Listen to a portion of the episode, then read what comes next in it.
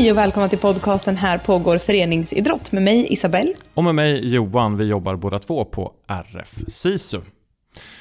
Och idag så har vi med oss eh, David Faxå ifrån Växjö. Välkommen David! Tack så mycket! Hur är läget? Läget är bra. Jag sitter i min stol och blickar ut över stora folkmassor på Arenastaden i Växjö för att det pågår ett yrkes-SM. Så det är typ SM i plåtslageri och hästskötsel och flygmaskinsteknik. Så det, jag har varit runt och glidit runt här på mässområdet. Det är spännande när det händer saker. Är det något du har fastnat för lite extra där eller? Eh, jag fick faktiskt prova på att eh, plåtslå mig själv en visselpipa, alltså böja och, eh, vad heter det? Väcka plåt. Ja, ni plåtslagare som lyssnar, ni kan det här. Men liksom, jag, bö jag böjde till en visselpipa av en liten plåtbit. Det blev inget eh, ljud, det kom bara luft, så jag misslyckades. Det som var jättelätt. Det stod en 16-åring där och instruerade mig, men jag klarar det inte. Så jag får köpa mig en visselpipa istället. Lättare låter det som. Ja, eh, för en eh, ohändig man som mig så är det det i alla fall. Om vi går, övergår till någonting som du är bra på David, så är det att prata med våra gäster och göra intervjuer i podden. Så du kan ju få säga eller presentera den som du har träffat i det här avsnittet. Eh, ja, det ska jag göra. Och tack kan jag också säga till dig. Eh, ja, den jag har träffat i det här avsnittet är eh, Marie Hedberg. Och det var ett, eh, ett speciellt, en speciell intervju för mig, för att Marie är ju min gamla lärare egentligen, en av dem som, som jag mötte först när jag flyttade till Växjö för att plugga på Linnéuniversitetet, för hon jobbar ju där ute på idrottsvetenskapen med, och forskar på idrottsvetenskap och, och lärare undervisar och, och lite så. Med henne pratade jag om en eh, coronarapport som hon har skrivit och egentligen på beställning av eh, kommunerna, de stora kommunerna i Småland och eh, av oss på RFSISU Småland. Så det var den rapporten vi pratade om. Sen är ju Marie intressant i andra perspektiv också, för hon sitter ju samtidigt på flera olika stolar. Hon sitter som ledamot i Svenska Tennisförbundet, Eh, men eh, också i eh, Riksidrottsstyrelsen, alltså styrelsen i Riksidrottsförbundet. Så hon har ju flera, flera roller i svensk idrott som gör att hon kan koppla lite åt ena hållet, lite åt andra hållet och, och så. Så det var ett spännande samtal. Mm. Ni pratade ju om då en rapport på eh, ja, men coronas effekter på idrotten. Det har gjorts en del sådana rapporter. Vad är det som gör att den här rapporten liksom sticker ut åt något håll? Nej men det, det var ju en, en tanke jag hade så här, men det är ju små, det är småländska ledare som har svarat på den här enkäten, alltså tränare i, i småländska idrottsföreningar och eh, då tänkte jag, men går det verkligen det här att applicera på, på hela Sverige? Men Maria är ju inne på det, att det faktiskt gör det i och med att den här är ganska samstämmig med övriga coronarapporter och kopplat till idrott som har kommit eh, Ungdomsbarometern kanske eller två år med corona eller ett år med corona som RF själva har, har släppt eh, över tid här. Så det gör ju att den är eh, att den går att applicera på ett riksperspektiv men också ledarnas, tränarnas egna berättelser är ju det som ligger till grund för hela rapporten. Ja, precis. Här är det ju idrottsledarna som har svarat helt enkelt ja. på där de har upplevt som eh, effekter direkt i, i ja, men så nära själva idrottsutövandet vi kan komma egentligen. Precis, precis.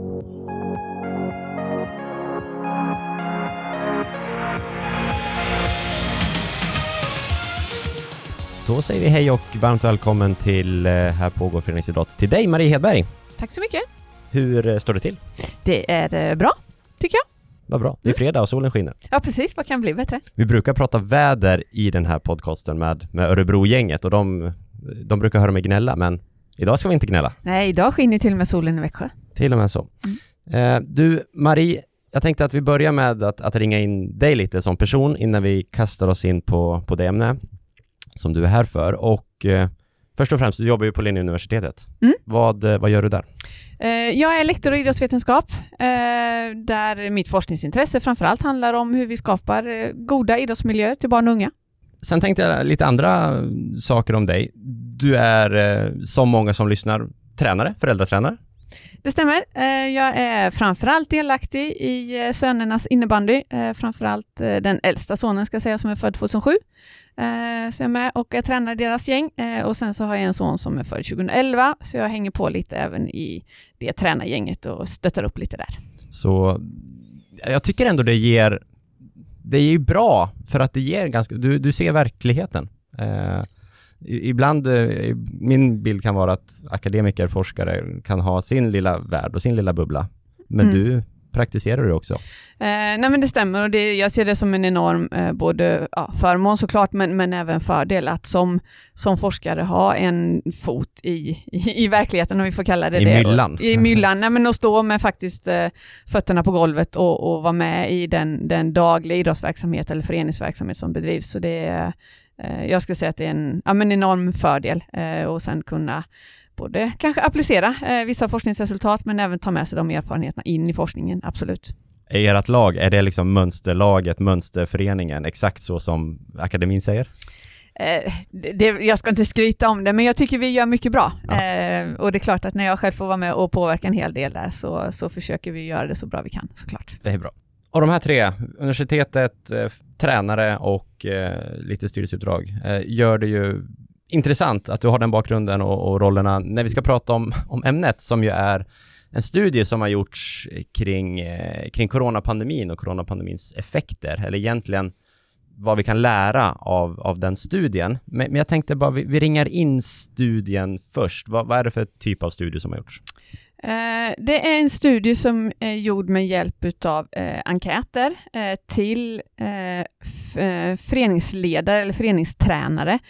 De skickades ut på olika sätt till tränare i, runt om i Småland med ambitionen att fånga upp deras erfarenheter och vilka konsekvenser de upplever att pandemin och de restriktioner som följde med pandemin har fått på idrotten. Och varför gjorde ni på universitetet den här? Um, jag var väl delaktig, eller högst delaktig i det själv, att jag såg ett, ett stort behov av att, att gå ner på eh, ledarnivå. Um, från, från RFs sida så gjorde man ju vissa eh, undersökningar på föreningsnivå, eh, men inte ner på ledarnivå. Eh, och jag upplevde väl själv, utifrån just att vara tränare själv, att vi fick hantera mycket av Eh, de restriktioner som fanns och, och kunna, eh, jag ska inte säga trolla med knäna, men, men, anpassa verksamheten efter det. Eh, då tänker jag det, det är vi som kommer stå där när pandemin är över också. Då måste vi fånga upp de erfarenheterna som vi, som vi upplever.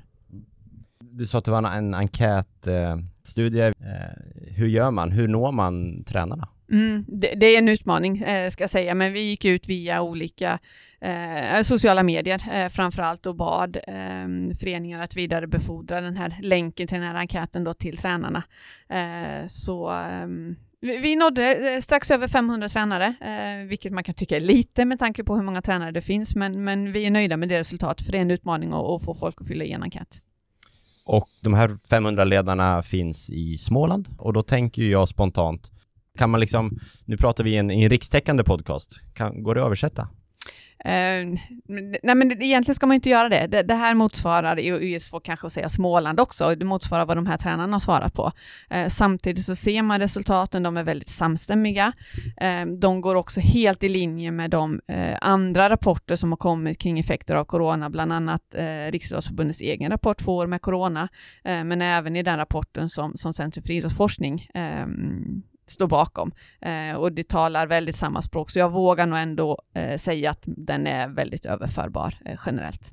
Så att lyssnarna kan fortsätta lyssna nu? De behöver inte... De kan fortsätta lyssna även om de inte bor i Småland. Perfekt.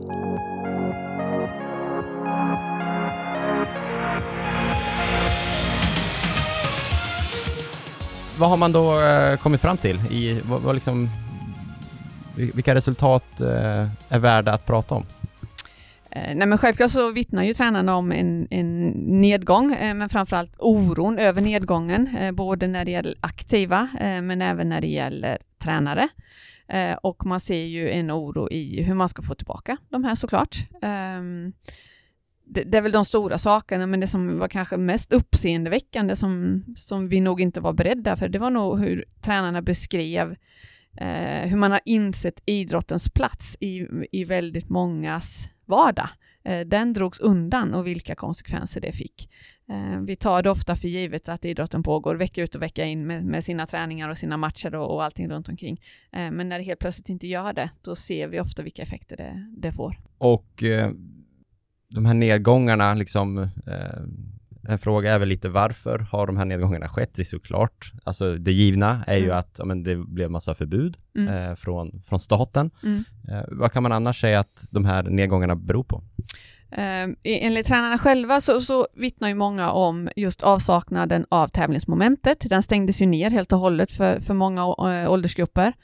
Eh, det i sig gjorde att eh, många tappade sugen, även om träning i sig ju faktiskt har kunnat pågått eh, under eh, majoriteten av tiden i alla fall. Men att det, det räckte liksom inte som motivation för att få många att, att fortsätta, utan avsaknaden av tävlingsmoment, men också avsaknaden av de kringaktiviteter som vi ibland eh, också tar för givet, eh, att vi hittar på lite saker utanför träning och tävling. Eh, och hänget i omklädningsrummet, inte minst både före och efter träningen, det var sådana saker som, som försvann. Det var ju bara träning eh, som fick bedrivas. Eh, så, det, så det det vittnar om är ju betydelsen av de den, den, breda verksamheten som en idrott behöver eh, tillhandahålla eh, helt enkelt. Det räcker inte bara med själva träningsmomentet utan det behöver finnas tävlingsmoment, det behöver finnas sociala eh, aktiviteter så att vi tillgodoser hela, hela de behoven som finns.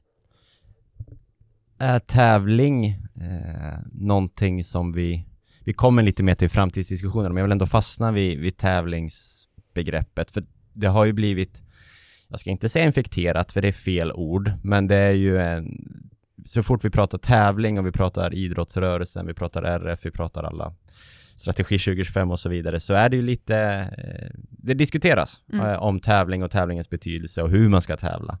Eh, behöver vi lyfta upp vikten av tävling lite mer kanske? Jag skulle nog vilja säga det och det är ju som du säger, det är en delvis infekterad fråga, men jag tycker också det har blivit en väldigt snedvriden tolkning när vi, när vi börjar förändra våra tävlingsstrukturer. Det handlar ju absolut inte om att barn inte ska få tävla. De, många älskar att tävla, så det är klart att de ska få tävla. Eh, men det ska ske på deras villkor eh, och det ska ske eh, utifrån att det, det, det främjar eh, långsiktig utveckling. Um, så, så, definitivt tävlingsmomentet är en jätteviktig del i den, den sammantagna idrottsverksamheten.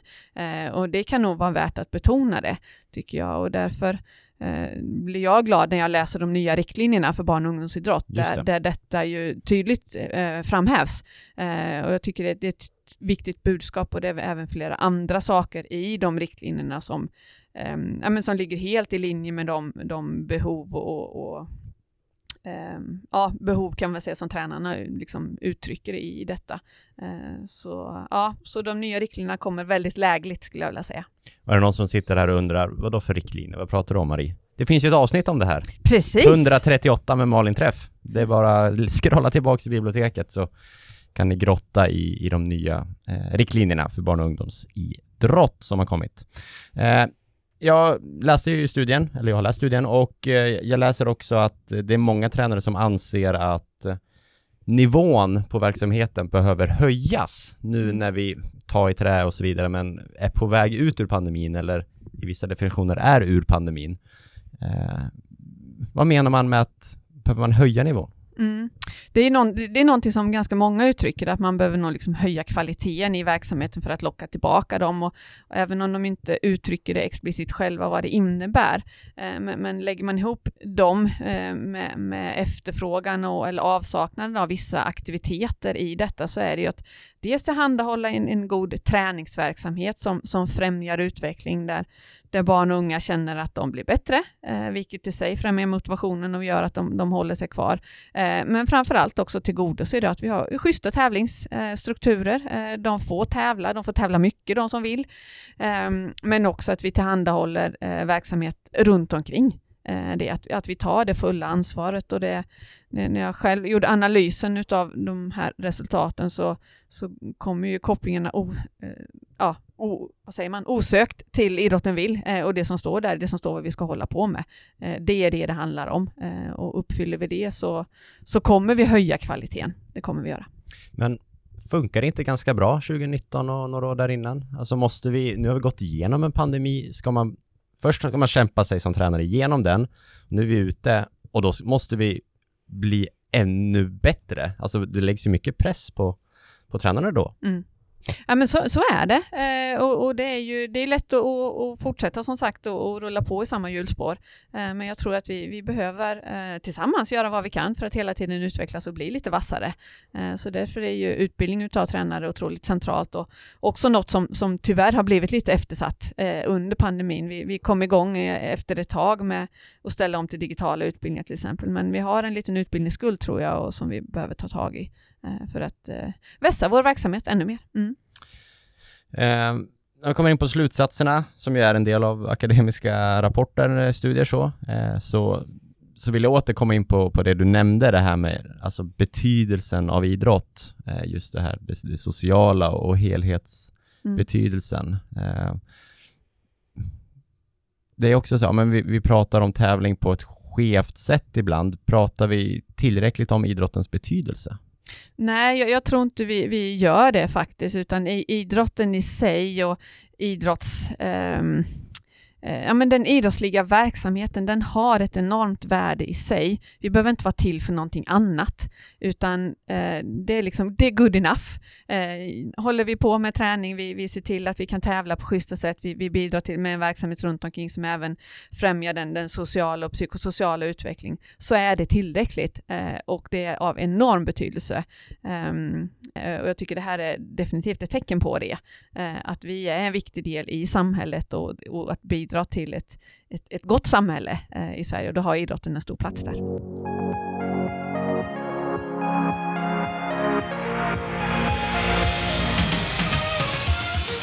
Om vi då pratar direkt till de som lyssnar på det här, eller de flesta som lyssnar på det här som ju är ledare i olika föreningar eller kanske förbund.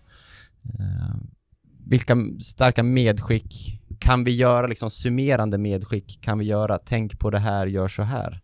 Har vi något sånt? Nej, men det är nog att, att tänka på att kunna, att, att så gott man kan, sen, sen, sen bygger det ju på ideellt ledarskap i mångt och mycket, men, men göra det man kan för att, att göra en så bra verksamhet som möjligt. Eh, ja, men, jobba för det här från rektangel eller från triangel till rektangel, eh, få med så många som möjligt, eh, försöka tillgodose så många eh, så många olika behov som möjligt. Sen är inte det eh, superlätt, utan det är en utmaning i sig när vi har grupper som, som spretar lite och sådär. Eh, men göra vad vi kan och försöka anpassa verksamheten att så många som möjligt kan, kan utvecklas så mycket som möjligt. Eh, för det i sig gör ju att de fortsätter. Mm. Eh, med den här kunskapen, med två år med corona, med eh, SIF, Centrum för idrottsforskningsrapporten, eh, om du sätter dig på dina styrelseuppdrags stolar, både i Riksidrottsstyrelsen och i Tennisförbundet, eh, hur, hur, kan man jobba på en mer strategisk nivå utifrån den här kunskapen? Eh, nej, men dels så tror jag vi, vi behöver göra det känt och vi behöver visa på, på den betydelse, dels av idrotten i stort, eh, att det är liksom, det vi gör, det har betydelse. Eh, men sen också gå ner lite, vad, vad, vilken typ av verksamhet behöver vi då erbjuda för att eh, både locka tillbaka men också behålla de vi har. Eh, och precis som jag sa innan, med, med hjälp av de nya riktlinjerna nu så tycker jag de kommer oerhört lägligt.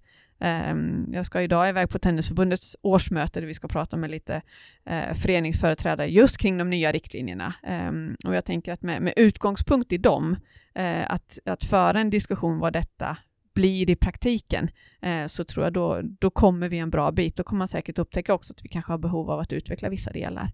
Eh, men, men, att kunna ta avstamp i dem kommer jag, tror jag, eh, det kommer främja svensk idrott definitivt. Så den röda tråden finns ändå, liksom resultaten i studien, slutsatserna från studien, ja, det vi ska lära oss, det gör man genom att följa nya riktlinjerna och idrotten vill kanske? Ja, men jag skulle nog faktiskt säga det och det, det var ju ingen, inget, inget planerat eh, samband på det sättet, men, men, men det faller sig faktiskt så. Eh, så jag tror att med, som sagt, med avstamp i de, de rapporter som är gjorda, både, både den vi har gjort här, men även den som kommer från RF och även då från SIF, eh, så, så talar mycket, eh, ja, det talar mycket samma språk. Mm. Gör det. Vad bra. Är det någonting som, eh, som jag glömt att fråga om, som vi borde lyfta kring rapporten eller som, ja men David, det här har du missat. Du läste ju inte mitten som var det viktigaste eller någonting. Eh, nej, men jag tycker nog att vi har, har lyft de viktigaste eh, aspekterna. Eh, men det, det är som sagt det som var, var, tydligt tycker jag, det är ju att man, vi tar mycket för givet eh, att det rullar på eh, varje vecka och, och med, med, träningar och tävlingar och det runt omkring. Men Eh, vi behöver nog värdesätta det, eh, kanske lite mer än vad vi gör i vanliga fall. Eh, men inte minst också värdesätta våra ledare, som ju är de som riggar detta vecka ut och vecka in. För det är väl också något som flera uttrycker att ehm, ja, men lyfta upp betydelsen av det ideella engagemanget. Det behöver göras så att vi behåller våra ledare. Det är en sak att tacka aktiva, tappa aktiva, men tappar vi ledare så har vi ingen verksamhet. Så ni som lyssnar och är ideella ledare, tack mm. för att ni kämpar igenom och för att ni tar ny steg nu här i återstarten.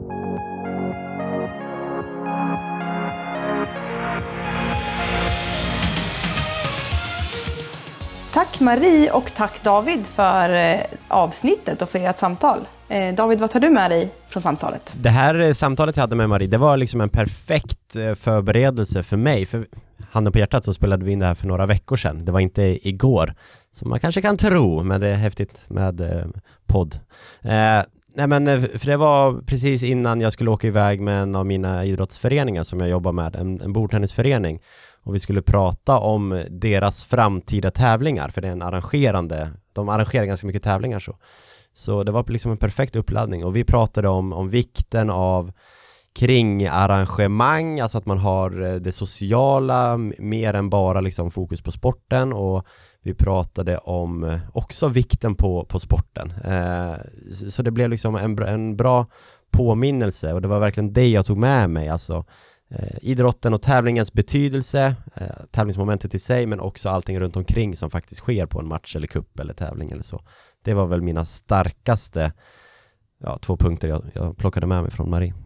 Mm, jag tycker att det är ju på ett sätt intressant också att när hon pratar om avsaknad så är det tävlingsmomentet och de här kringaktiviteterna, de sociala grejerna som händer. För ofta så hamnar vi i ett läge där vi kanske ställer dem lite grann emot varandra. Eh, men där båda har en väldigt stor roll att fylla inom idrotten. Alltså det innebär ju inte bara att vi börjar tävla så tappar vi det sociala utan det kanske till och med blir tvärtom. Att det blir mer den typen av eh, umgänge också kring idrottandet. Jag blir glad när det blir sådär, när det blir liksom vi, om man har fastnat i någon typ av polarisering där man bara såhär, nej men det behöver inte alls vara så. Vi kan, det här går hand i hand, vi trivs bra ihop och idrotten i sig, idrottens styrka i sig är så pass viktig att, eh, att lyfta fram att bara vi utövar idrotten på det sättet som vi har gjort under ganska lång tid så får det väldigt mycket positiva effekter. Ja, och det blir ju också ett kvitto på vad vi är extra bra på inom just föreningsidrotten som man saknar med andra typer av idrottande eller aktivitet som eh, man kanske har kunnat ägna sig åt mer under pandemin. Eh, och en del som jag tar med mig eh, från Ungdomsbarometern som också har gjort en undersökning bland unga i de här frågorna är också strukturen inom föreningsidrotten. Man har saknat att det finns en struktur eller en rutin att man kommer dit och det är specifika tider som man är på, som man är på plats och tränar. Eh, och träffar sina lagkamrater eller träningskompisar. Eh, eller deltar i tävling. Och det finns någon som står där och har gjort ett pass eller har gjort en planering för och det här ska vi göra. Och det var också lite intressant tycker jag. Att det handlar, ibland tror vi att det är så mycket som ska vara så väldigt fritt och frivilligt. Eh, men, ibland, men när man får den chansen, då saknar man det här uppstyrda. Kan inte någon bara säga kom hit den här tiden och gör det här. Mm. Nej, jag håller med och, och nu har vi ju eh, en hel del underlag för att föra de här spänstiga eh, återstartsdiskussionerna ute i föreningarna och föreningarna själva kan ju göra det. Eh, och det finns ju många spår att ta. Ska vi ta den här liksom eh, tävlingsspåret som jag och Marie är ganska mycket inne på.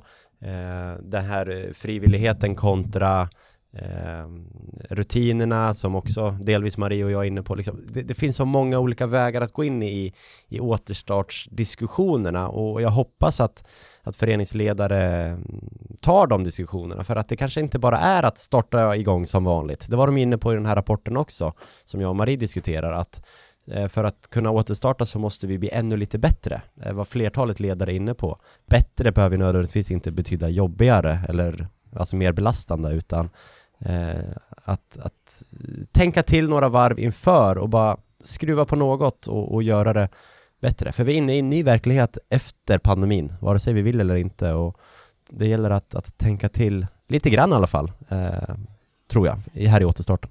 Ja, det blir ofta när man går in i någon typ av förändringsarbete så är det lätt att glömma de sakerna man har gjort bra också. Att, att komma ihåg att vi kommer från någonting väldigt bra, även när vi vill gå in i en förändring. Att vi har gjort väldigt många saker bra, men låt oss kunna förädla dem. Det är mer där det handlar om kanske, att vi ska förädla saker än att vi ska förändra saker helt och hållet i grunden. Vilket man lätt kan få känslan av tror jag, när man ger sig in i olika typer av förändringsarbeten. När vi pratar om strategi 2025 och de här olika delarna. Det innebär ju inte att vi ska riva upp idrotten vid rötterna och plantera ut nya frön och försöka se vad vi får upp då. Utan vi ska ju förädla det vi redan har och det är det vi jag tror att det blir mer motiverande att tänka på det på det här sättet. Att vi har någonting fint som vi ska göra ännu bättre och vi ska göra ännu bättre hela tiden. För då kommer det, eh, ja, då, då, då, kommer det ge ännu bättre skörd för att avsluta min något haltande liknelse kanske. Ja, precis som du är inne på Johan så då tänker jag också att man eh, kanske på vissa orter eller vissa platser i Sverige där man har haft eh, eller har ett starkt föreningsliv. Då är kanske också det som har varit alternativet om man ska vara fysiskt aktiv eller ha en god hälsa eller vad ens mål är med idrottande. Eh, och där har man ju på vissa ställen blivit tvingad, om man nu får säga så, att göra något annat. Och då har man ju också upptäckt att det finns alternativ. Och då behöver vi ju fortsätta att vara den här attraktiva platsen att finnas med i eh, när man vet vad det finns för alternativ om man inte tycker att det är precis den verksamheten som man vill vara med i exempelvis. Mm. Precis. Så eh, ett medskick är väl att om du liksom, du som ledare kanske har lyssnat på det här på väg till jobbet eller sånt, men skicka iväg det till dina ledarkompisar eller styrelsekompisar och, och lyssna på det här tillsammans och sen sitt ner och, och reflektera, diskutera lite Eh, utifrån Maries klokheter och, och rapportens resultat och eh, diskutera lite återstart. Kanske kan vara en, en tanke. Mm. Och kom ihåg att vi gör väldigt mycket bra redan nu.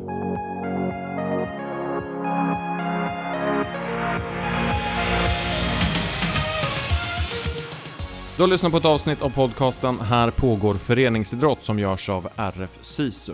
Idag så har vi pratat om coronapandemins effekter på idrotten och eh, den specifika rapporten som vi pratade om den hittar ni på RF SISU Smålands hemsida under rubriken Coronapandemin.